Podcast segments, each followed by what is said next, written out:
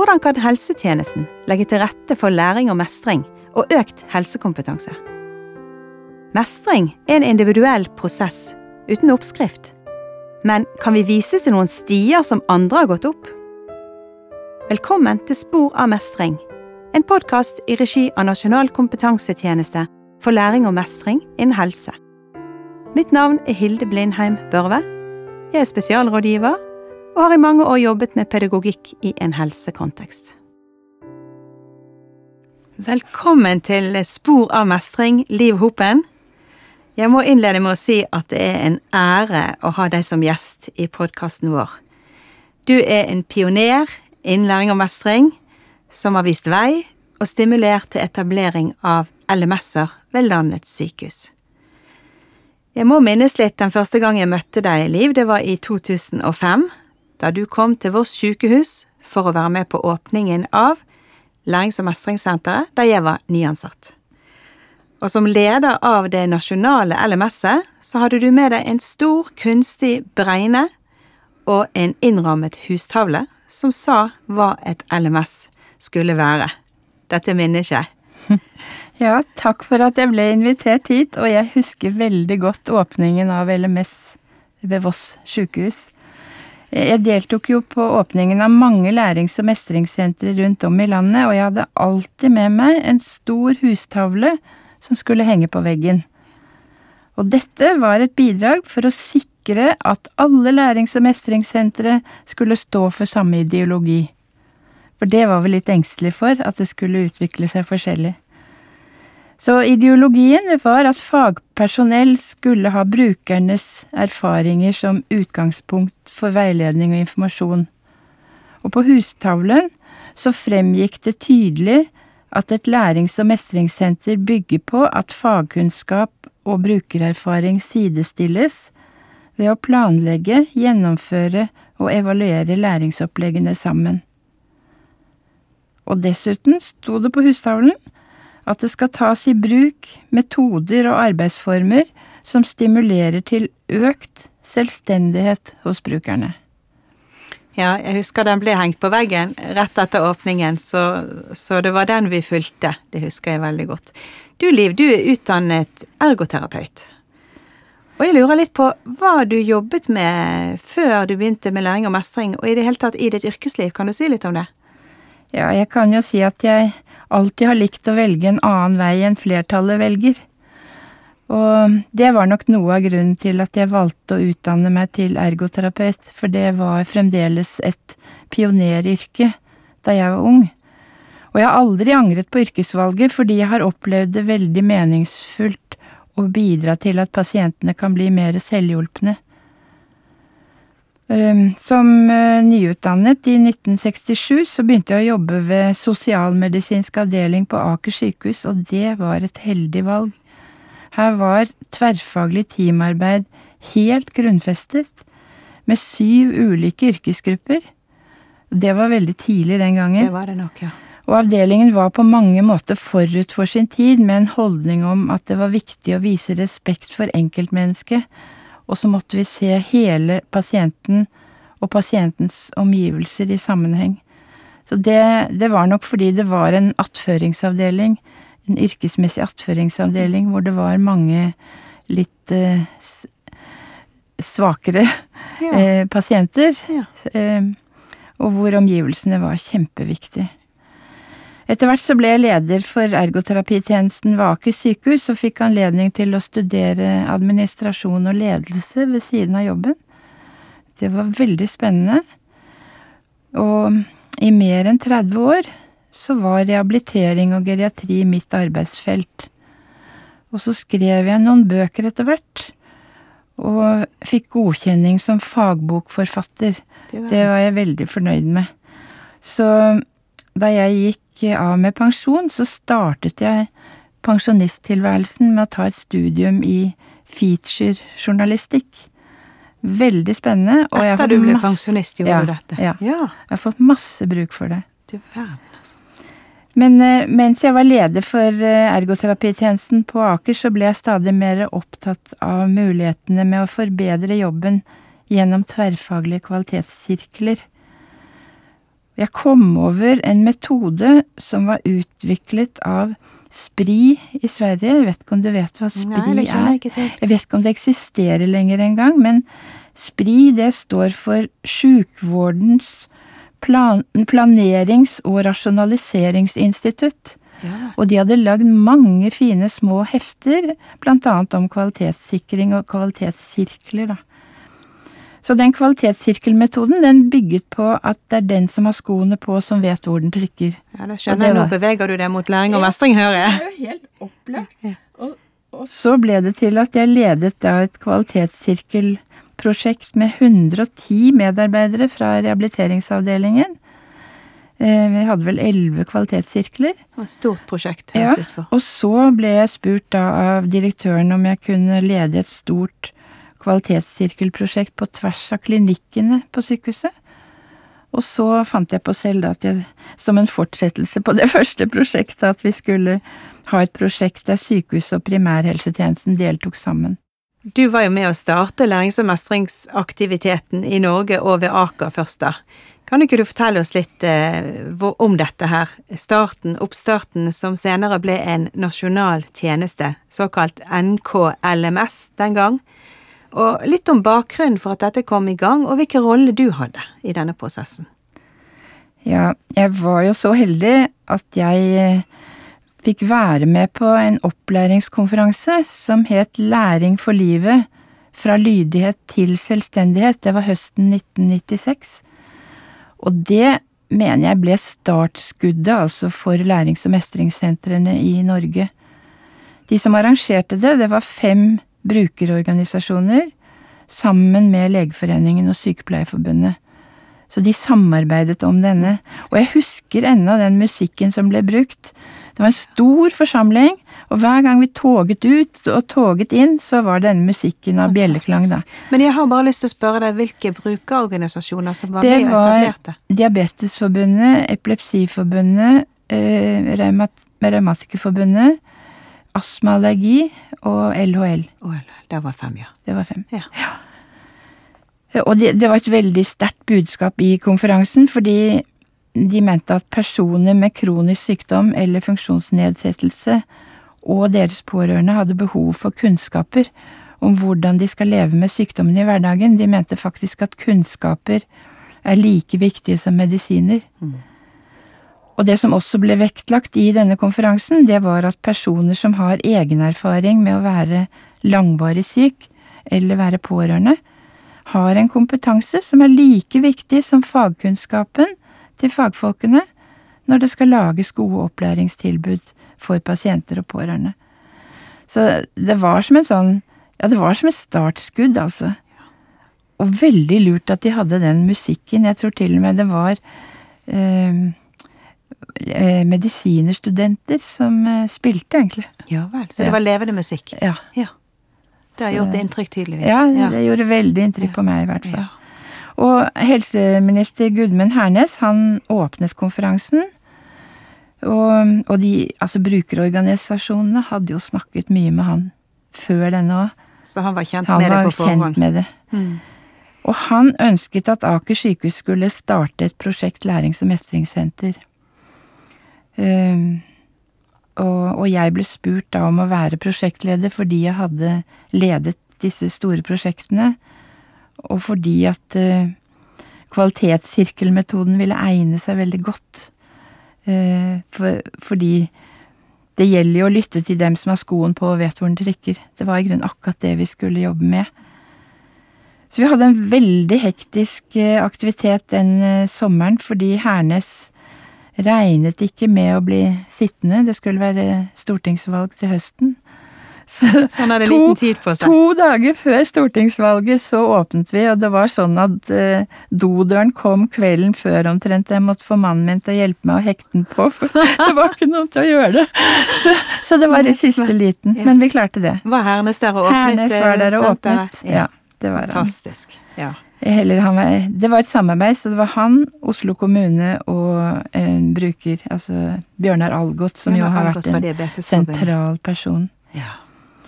Men eh, allerede året før, altså i 96, så hadde Hernes foreslått at det skulle innføres en ny lov om pasient- og pårørendeopplæring.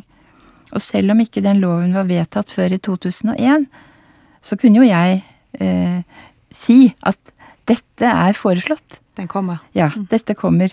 Pasient- og pårørendeopplæring er tatt med som en av de fire hovedoppgavene i forslag til lov om spesialisthelsetjeneste. Og det, det fikk grobunn. Er det noe spesielt som du er stolt av? Noe du ser tilbake på som særlig viktig i denne perioden? Uh, ja, altså hvis jeg skal si om jeg er stolt av, eller kanskje mer tenker på som veldig viktig, så er det i grunnen fire forhold. Og det ene, det er det at vi fikk stimuleringsmidler. For det tenker jeg var helt vesentlig, altså. Vi hadde riktignok, eh, jeg tror det var en seks-syv lærings- og mestringssentre som var oppe og gikk før vi fikk dem.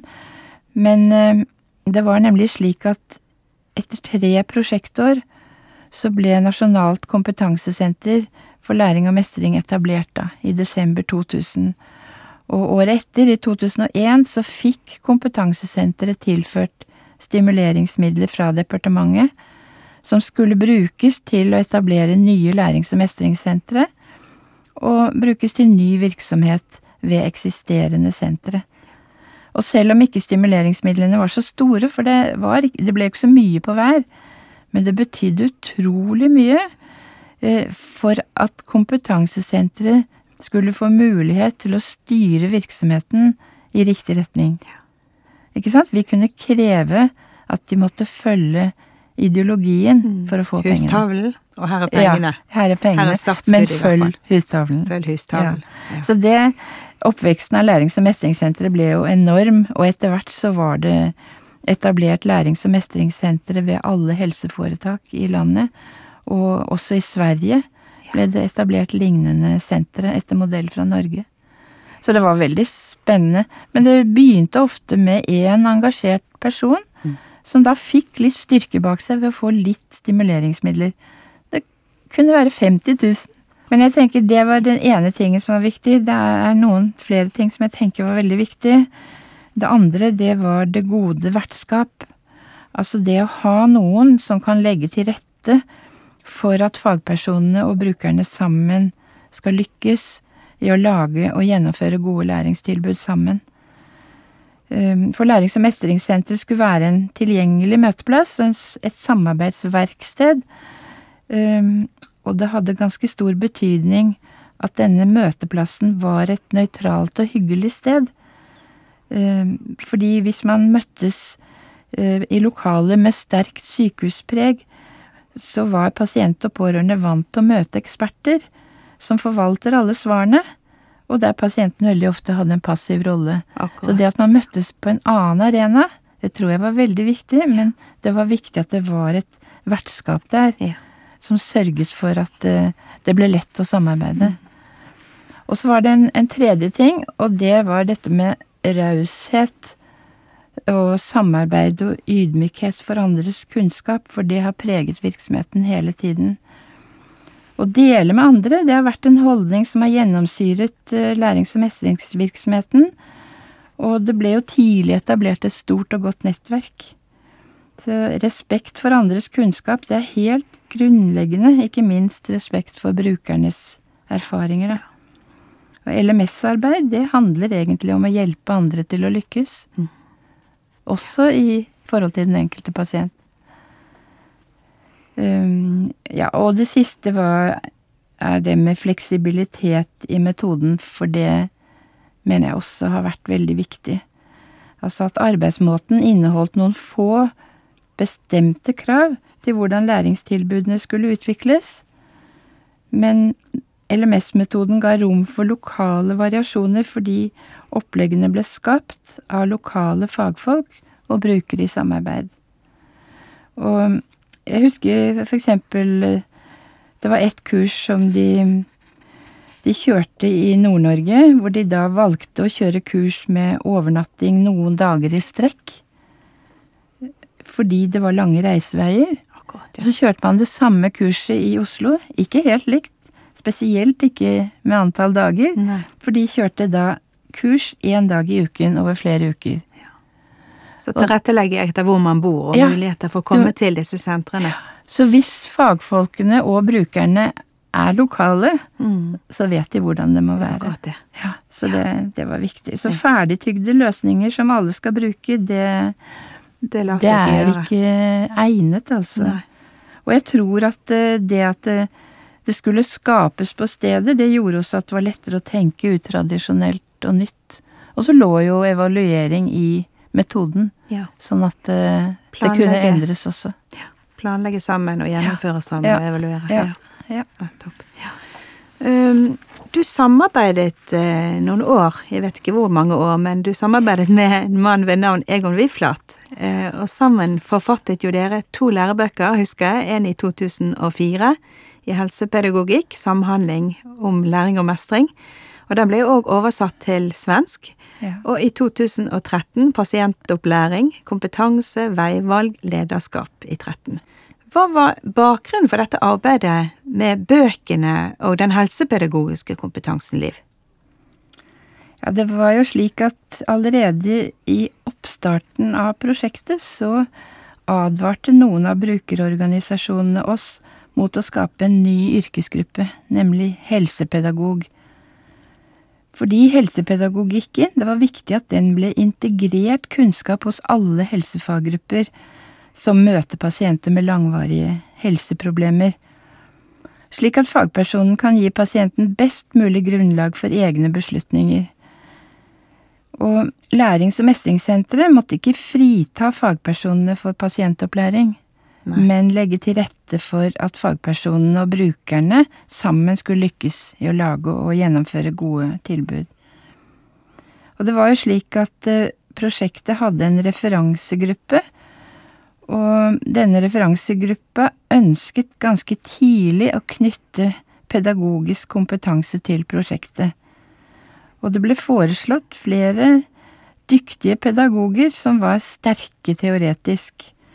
Og jeg var bekymret, for jeg var redd for at det skulle overskygge ideologien om at den som har skoen på, vet best hvor den trykker. Så du ville ha den praktiske tilnærmingen Ja, i størst jeg- mulig grad? Ja, og jeg Ja. ville at brukernes erfaringer skulle få tyngde. Eh, I arbeidet med kvalitetssirklene så hadde jeg tidligere samarbeidet tett med Egon Wiflat, og han var både Altså, han hadde både pedagogikk og organisasjonsutvikling som fag, og det for meg så var det helt ideelt. Og heldigvis så fikk jeg klarsignal fra referansegruppa om å benytte han som pedagog. Og vi var så vant til å jobbe sammen at eh, vi kunne starte helsepedagogikk-kurs nesten med en gang, faktisk. Så dere holdt altså kurs sammen, du og Egon Wiffen? Ja, og så hadde vi brukere med. Brukere med, ja. Og det var kjempeviktig, fordi det, det gjorde noe med kursene. Mm. Det gjorde noe med den rollen som fagfolkene hadde, altså bevisstheten om hvilken rolle de hadde. Ehm, Fordi vi snakket mye om at de måtte være villige til å oppgi sin suverene posisjon og se på brukeren som en helt nødvendig medspiller. Og det fikk vi demonstrert veldig godt i disse kursene.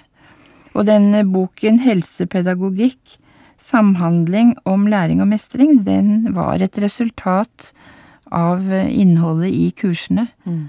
Vi begynte liksom med kompendier, og så ble det satt sammen til en bok. Eh, selvfølgelig også med erfaringer fra de opplæringsgruppene som kom i gang. Men, eh, men sånn ble boka til. Ja. Den, den var min inspirasjon til Ja. å starte det første ja. kurset i helsepedagogikk som jeg holdt. Ja. Veldig mange fine tegninger og metaforer, og fikk en sånn aha-opplevelse av å bla i den boken. Ja. Ja, du er, Liv, du er opptatt av hverdagsspråk. Kan du si litt om det? ja, det er jeg veldig opptatt av. Eh, Det blir jo understreket i offentlige publikasjoner da, at informasjon det er det pasient og pårørende har forstått. Det er ikke det som er sagt. Og, men det er jo kjempeviktig da, at fagfolkene snakker slik at pasienter og pårørende forstår. Og alle forstår hverdagsspråk, eller i hvert fall alle nordmenn forstår norsk hverdagsspråk. fagspråk det kan bidra til å skape avstand til pasienten, og jeg tror ikke alltid at eh, fagfolk er klar over eh, at det er et fagspråk de snakker. Ja, det er visst far for det. Ja. Eh, jeg husker at vi hadde et kurs en gang for pasienter og pårørende. Det gjaldt urininkontinens. Og en av deltakerne, Hans het han, han fortalte meg før kurset at det var så mye han lurte på, men han klarte ikke å snakke om disse tingene. Men han deltok i kurset, da. Og det kurset, det startet med at det var en bruker, en lektor, som eh, fortalte hvordan han hadde løst de praktiske problemene ved at han tisset på seg. Brukte de ordene. Ja. Ja. Og etterpå så kom Hans bort til meg og så fortalte han at han hadde spurt om alt han lurte på. Han. han sa det ble så mye lettere å snakke om det når han lektoren hadde brukt så vanlige ord. Og det, det der tror jeg skjer gang på gang, altså. Vi har mange eksempler på at uh, når det er brukere til stede, så gjør det noe med språket. Og særlig hvis de slipper til først. Det er nok vesentlig. Ja. Åpne, åpne Mm. på den måten, ja. Ja. ja. Og forenkling av språket, det er kjempeviktig, og du skal kunne faget ditt veldig godt for å klare å forenkle. Det er òg et poeng. Ja. Ja. Ja, jeg husker jeg besøkte Aker. Jeg kan ikke huske hvilket årstall det var. Det var et av de første årene jeg jobbet innen tjenesten. Så var jeg på besøk eh, og lot meg inspirere av det gode brosjyremateriellet som dere hadde utviklet på Aker.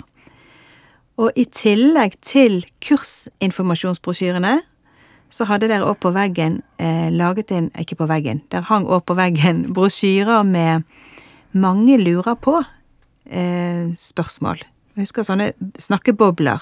Og så var det eksempler på hva folk lurte på. Og det inspirerte meg veldig, husker jeg, og jeg dro tilbake til Voss og lagde parallelle brosjyrer til alle informasjonsbrosjyrene. Så takker for den. Ja, altså det som er viktig å være klar over, det er jo at hvis pasienten har fått en diagnose som han ikke kjenner fra før, så vet han ikke hva han skal spørre om. Så det var noe av hensikten med de spørreboblene, på en måte. Altså hva er aktuelle spørsmål hvis du har fått den diagnosen? Og det var en, eh, en dame som var blind, som kom innom senteret, og hun sa det at eh, det der kan sammenlignes med når, når jeg er på hotell, sa hun. Hvis det er en lunsjbuffé der.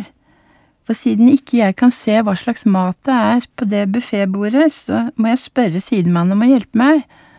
Og hva sier sidemannen da? Jo, han svarer vanligvis ja, gjerne, hva vil du ha?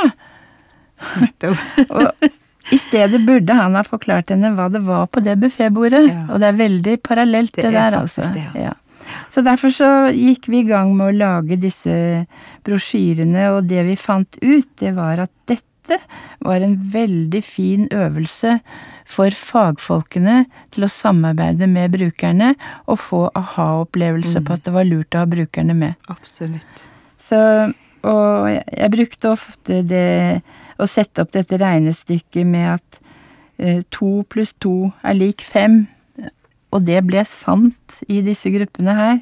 Fordi hvis du satte sammen to brukere og to fagpersoner, så ble resultatet langt bedre enn summen av det de hadde fått til hver for seg. Det er et godt poeng. Ja. Du er òg eh, opptatt av samvalg, eh, Liv. Og pasientens møte eh, Pasientens rolle i møte med helsepersonell. Vil du si litt om det òg? Ja, det sier jeg gjerne noe om, for det er jeg ganske engasjert Ja, i, det med samvalg. Eh, Nå er det jo sånn at myndighetene de har i flere år ønsket å organisere helsetjenesten slik at det blir pasientens helsetjeneste, og ikke helsetjenestens pasienter. Eh, Og i de siste årene så har helsemyndighetene gitt klare signaler om at helsepersonell skal ta i bruk samvalg som metode. Og samvalg, det innebærer at jeg som pasient skal få vite hvilke alternative undersøkelser og behandlinger som er aktuelle for meg, og jeg skal få vite det på en måte som jeg forstår. Og jeg skal få vite mulige fordeler og ulemper ved disse alternativene. Og ikke minst så skal jeg som pasient gi uttrykk for det jeg foretrekker, Hva er viktig for meg i min situasjon? Og det trenger ikke være så vanskelig. Altså jeg, jeg har et lite eksempel som jeg gjerne vil komme med, for det er enkelt, men har likevel betydning. Jeg fikk beskjed av legen at jeg måtte bruke antikoagulerende medisin. Og av medisinske årsaker så var i realiteten dette ikke noe valg for meg. Altså blodfortynnende medisiner? Ja, dette skulle jeg bruke. Eh, fordi legen hadde en sånn eh, vask eh, CAD-vask-score, eller hva det heter, som, som, han følger, ikke sant? Sånn at det, alle poengene tilsa at det måtte jeg bruke. Ja. Men det fantes fem ulike medisiner å velge mellom. Og det som var viktig for meg, det var å få en medisin som kunne tas uten at jeg behøvde å gi det noe særlig oppmerksomhet. Mm. Og det viste seg at noen av medisinene måtte tas med mat. En kunne ikke tas ut av pakningen, eh, så den kunne altså ikke puttes i dosett. Og de fleste måtte tas to ganger hver dag, med tolv timers mellomrom. Så du måtte altså ha klokken og minne deg på? Ja, Ja. og jeg måtte ha oppmerksomhet på det kanskje midt på dagen, hvor jeg var opptatt med noe annet. Så sammen kom vi da fram til én medisin som bare tas én gang per dag, helt uavhengig av mat. Men den ville jeg valgt. Ja, jeg valgte det. Det forstår jeg godt. Men, men han sa at det var ikke den han pleide å skrive ut. Det var interessant. Ja. Så hadde ikke jeg spurt så mye, eller hadde ikke vi jobbet i det teamet som vi var, på en måte, dette samvalgsteamet, så hadde jeg fått en annen medisin. Så da lærte legen noe om det. Ja, det tror jeg. For samvalg handler egentlig veldig mye om å, å jobbe i team. Ja. At vi er et team hvor brukeren kommer med, eller pasienten kommer med sine innspill, og legen har sine, og så skal man sammen eh, bli enige. Så det er ikke snakk om at legen eh, liksom gir over valget til pasienten, eh, og ikke, ikke motsatt, men Nei. man skal velge sammen. Ja. Og det er jo sånn at eh, helseledelse og myndigheter de har gjort mange fremstøt for at helsepersonell skal lære å benytte samvalg som metode. Eh, Ved brukerutvalget ved Diakonhjemmet sykehus så har vi vært opptatt av at samvalg, det er jo Det handler mye om kommunikasjon. Og i kommunikasjon er det to parter. Ja. Så hvorfor skal man lære opp bare den ene, og ikke den andre? Så vi har vært opptatt av at eh, pasientene har noe å lære. For mange, så, for mange så er dette en ny rolle, og de tør kanskje ikke si hva de egentlig ønsker. Så vi har hatt en kampanje, vi i brukerutvalget, da, rettet mot pasienter og pårørende for å motivere dem til å fortelle legen hva som er viktig for dem. Så bra. Ja. Eh, og du nevner nå Diakonhjemmet vi har på Diakonhjemmet. Bakgrunnen for at du sier det, Liv, det er jo det at i dag har du en ny rolle. Du er pensjonist, har du sagt. Og i dag har du altså rollen som likeperson og brukerrepresentant ved Diakonhjemmet sykehus. Og der er du involvert i dette og sikkert mye annet òg, tipper jeg. Eh, kan du si litt, grann, Liv, hvordan det oppleves å være i disse rollene? Har du fått noen nye oppdagelser med dette perspektivet som ikke du hadde før? Altså, jeg får jo hele tiden nye oppdagelser. Men eh, det har vært veldig positive eh, erfaringer. Um, Jeg er altså likeperson ved Lærings- og mestringssenteret. Og der deltar jeg annet i kurs for personer med atrieflimmer. Og det som er spesielt når det gjelder atrieflimmer, det er at nesten alle kursdeltakerne opplever symptomene forskjellig. Så jeg ble på en måte ikke den tradisjonelle brukeren inn i dette, fordi det å fortelle min brukerhistorie, det var egentlig ikke så aktuelt i dette kurset. Nei, Fordi alle hadde hver sin historie, helt forskjellig. Det som er aktuelt, og som jeg, eh, jeg har erfart at det er viktig å bidra med, det er jeg kan gi gode tips om hvordan kursdeltakerne kan møte helsepersonell, Mm. eh, møte apoteket. Ja. Eh, Jeg kan stille aktuelle spørsmål som kanskje ikke blir stilt, men som jeg erfaringsmessig vet at det er lurt å, å få vite. Og jeg kan sette enkle ord på forhold som deltakerne har hatt vanskelig for å sette ord på. Og jeg kan bidra til åpenhet og kommunikasjon i gruppa. Jeg kan være blant deltakerne i pausen og fange opp spørsmål. Fanget blant annet opp Det var en som hadde fått noe blodfortynnende, men hun hadde sluttet med det, for hun merket ikke noe bedring. Ja, det, er, det er jo sånn Det er veldig greit at du da stiller et spørsmål så det kommer opp eh, skikkelig. Ja. Og du kan også bidra til at fagpersonene snakker litt enklere. Mm. Og du kan komme med noen lure knep og erfaringer for å mestre hverdagen. Lure knep, det forbinder med ja. Hopen. Ja. Det snakker ja. du om i boken din, og lure knep. Ja, ja da. Ja. Nei da. Så det er uh, Brukeren har nok å gjøre, men poenget mitt er at uh, noen ganger passer det å fortelle om sin egen historie, og noen ganger passer kanskje ikke det like Nei. godt. Så um, det er helt avhengig av hvilken gruppe man er i. Mm hva slags pasienter det er. Så det betyr at du er, del, du er deltaker på alle disse kursene ja. når de tilbyr det ved ja. Diakonhjemmet? Ja. ja.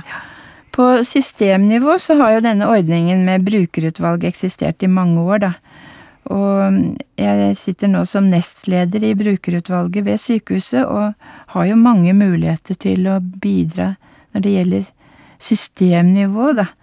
Og det betyr at vi er med i ledergrupper og prosjekter og kan medvirke i utforming av strategier og handlingsplaner osv.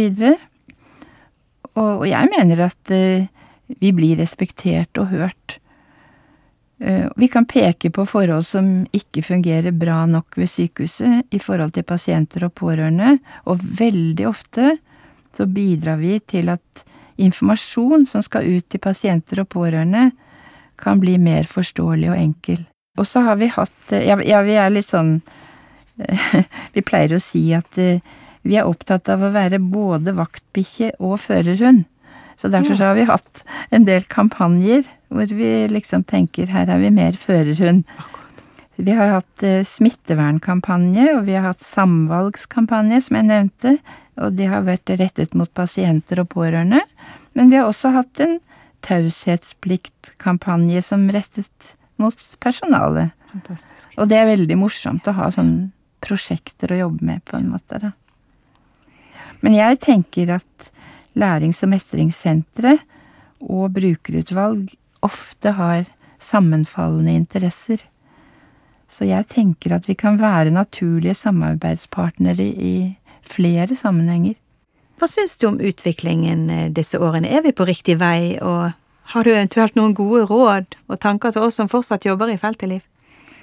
Altså, jeg har jo gjennom mange år fulgt nøye med disse nyhetsbrevene som jeg syns er helt fantastisk fine. Nyhetsbrevene fra Nasjonal kompetansetjeneste for læring og mestring innen helse. Mm. Og jeg er imponert over alt det Du er jo en del av det, ja. alt det dere får til. Mestring.no. Ja. Um, I tillegg så har jeg jo da også kunnet følge lærings- og mestringssenteret på Diakonhjemmet fordi jeg er likeperson, mm. og der skjer mye. Eh, I fremtiden så håper jeg at pasientopplæring i større grad blir integrert i behandlingsforløpene, slik at det legges inn på samme måte som kontrolltime på poliklinikk. Det tror jeg Så kommer det opp en ja. påminning om Ja, så blir det på en måte like, like viktig ja. uh, for pasient og pårørende å følge opp som, som det, da. Ja. Når det gjelder uh, denne pasient- og pårørendeopplæring, så er jo mye blitt gjort digitalt i koronatiden. Og det feltet vil sikkert utvikle seg mer i den retningen, da. Det tror jeg nok, ja. Og og jeg tenker kanskje at spesialisthelsetjenesten i større grad kan lage digitale kurs som egner seg å gjennomføre ute i distriktene, gjerne med frivillige hjelpere som kan sette seg ned sammen med to–tre brukere på en lokal møteplass som de klarer å komme til.